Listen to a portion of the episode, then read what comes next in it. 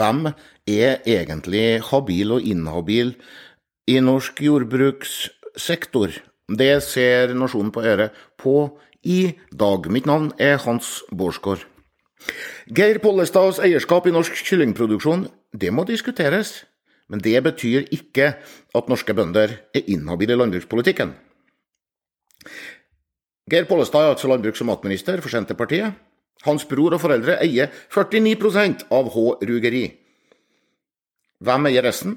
Jo, det gjør det bondeeide samvirket Nortura. Hver tredje kylling her i landet kommer fra rugeriet i Rogaland. Statsråd Pollestad ser ut til å ha lært den leksa som flere av hans ekskolleger ikke gjorde før de måtte gå av. Habilitetsspørsmål kan ikke overses, gjemmes eller besvares internt. Siden han ble utnevnt i august, har Pollestad, både i Stortinget og media, understreka at han ikke tar i spørsmål om kylling, mens hans habilitet vurderes.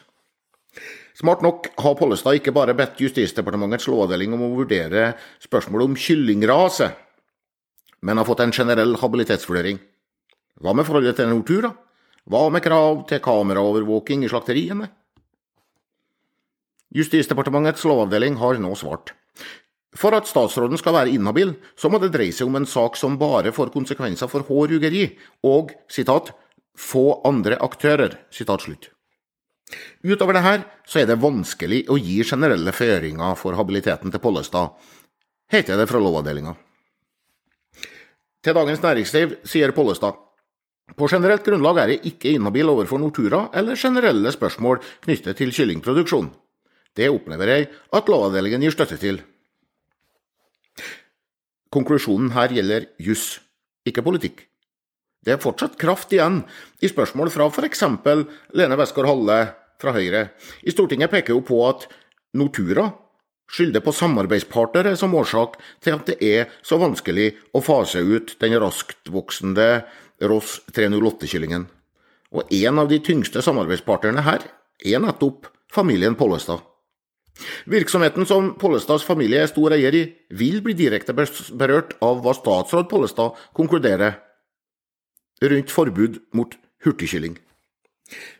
MDG krevde i forrige uke i Nasjonen at Pollestad erklærer seg inhabil i alle saker som angår dyrevelferd for norsk kylling.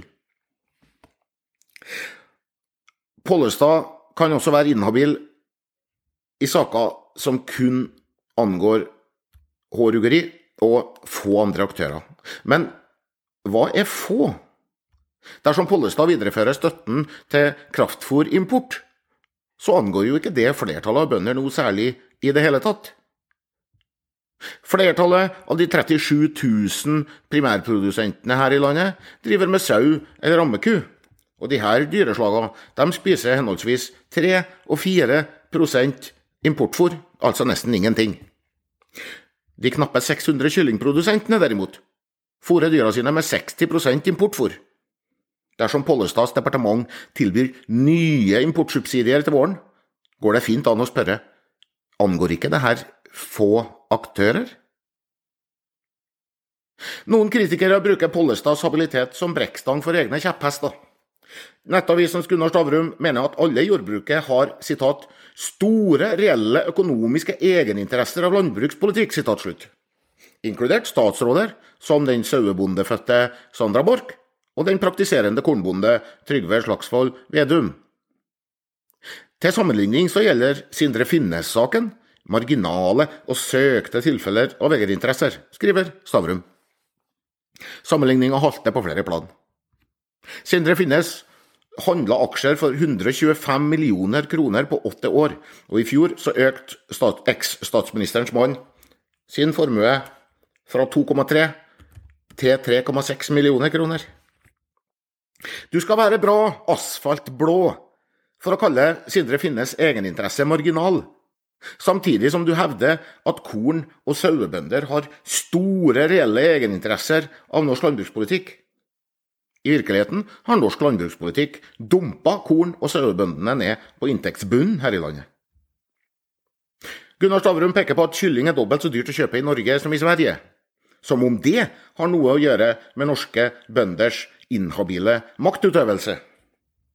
Forklaringen på kyllingprisen står å lese i skattelistene. Norske dagligvaremilliardærer øker sine allerede enorme formuer gjennom kraftig prisuttak fra en kjøpesterk befolkning. Det finnes små grupper av rike matprodusenter her i landet som besitter politisk makt. Havbruksnæringa har hatt og har flere tunge verv i norsk politikk. Familien til oppdrettseier og eks-fiskeriminister Lisbeth Berg-Hansen gjorde en milliardkule på å selge aksjer i år. Enda et bevis på hvor begrensa lakseskatten er for næringens profittnivå. Habilitet og milliarder i matsektoren er absolutt verdt å diskutere videre. Lettvintheten om habiliteten til titusener av bønder på inntektsbunnen forbigås best i stillhet. Nasjon på Øre ønsker en riktig god dag videre.